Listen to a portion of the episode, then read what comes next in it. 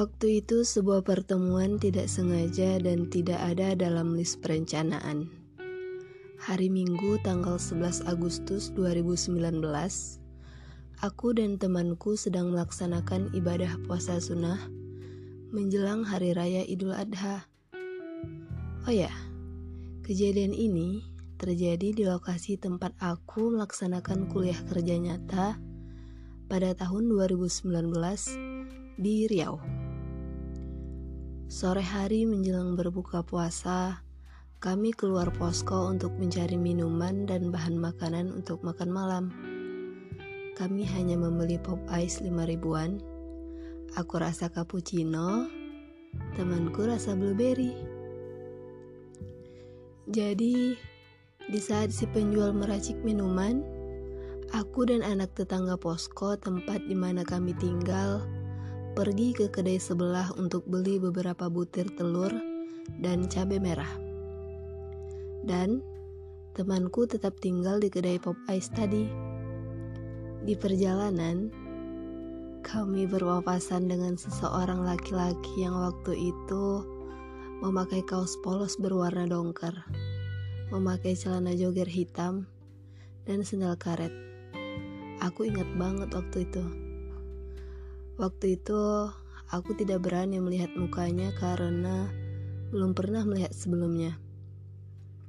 Tapi aku memberanikan diri bertanya kepada adik tadi. Sebenarnya aku tidak tahu tujuan pertanyaan ini untuk apa. Pertanyaannya begini. Itu siapa, Dek? Kok gak pernah lihat? Oh, dia baru datang, Kak anak ibu belakang rumah. Oh, pantesan.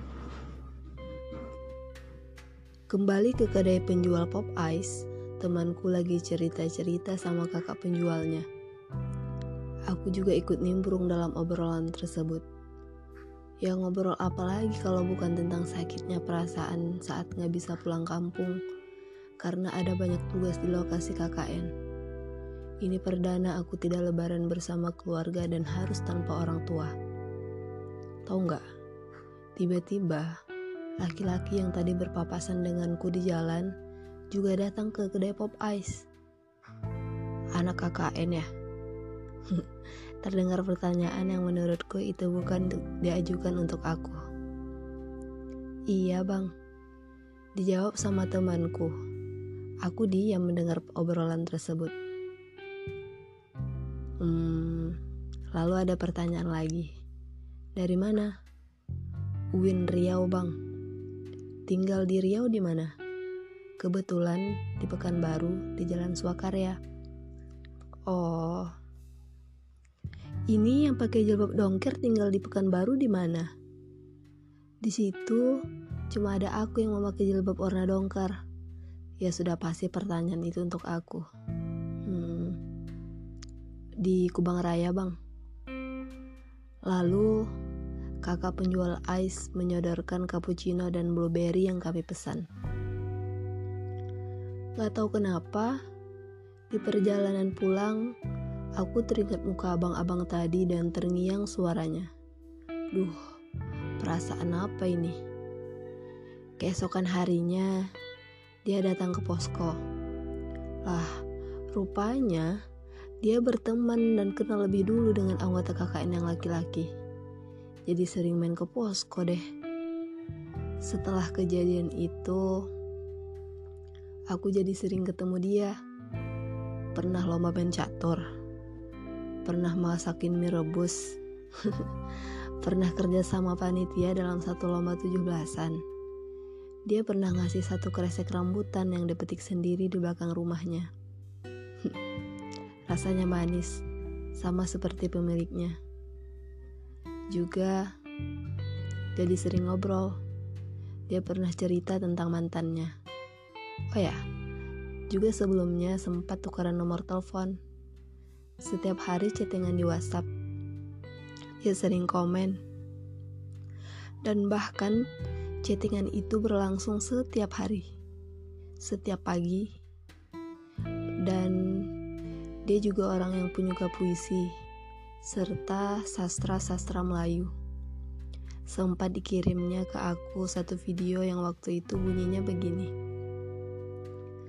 Kalau mendung hitam sudah di atas kepala, jangan biarkan hujan turun ke bumi.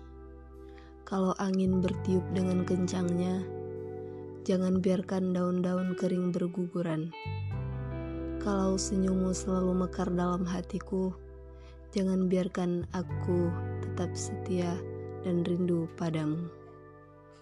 Oleh Dezawawi Imran. Duh, baper gak sih? Aku gak tahu sejak kapan mulai sering senyum-senyum sendiri. Sering kepikiran, kangen juga. Tapi itu kenangan dulu, sekarang udah gak ada. Semua balik ke semula, jadi kami masing-masing. Kenal, tapi sudah seperti belum pernah kenalan. Ya, walaupun tidak sering saling berbicara lagi, kenangan indah memang tidak pernah mati. Merasa kehilangan, ya walaupun sebenarnya tidak pernah saling memiliki. Semoga kamu baik-baik saja ya.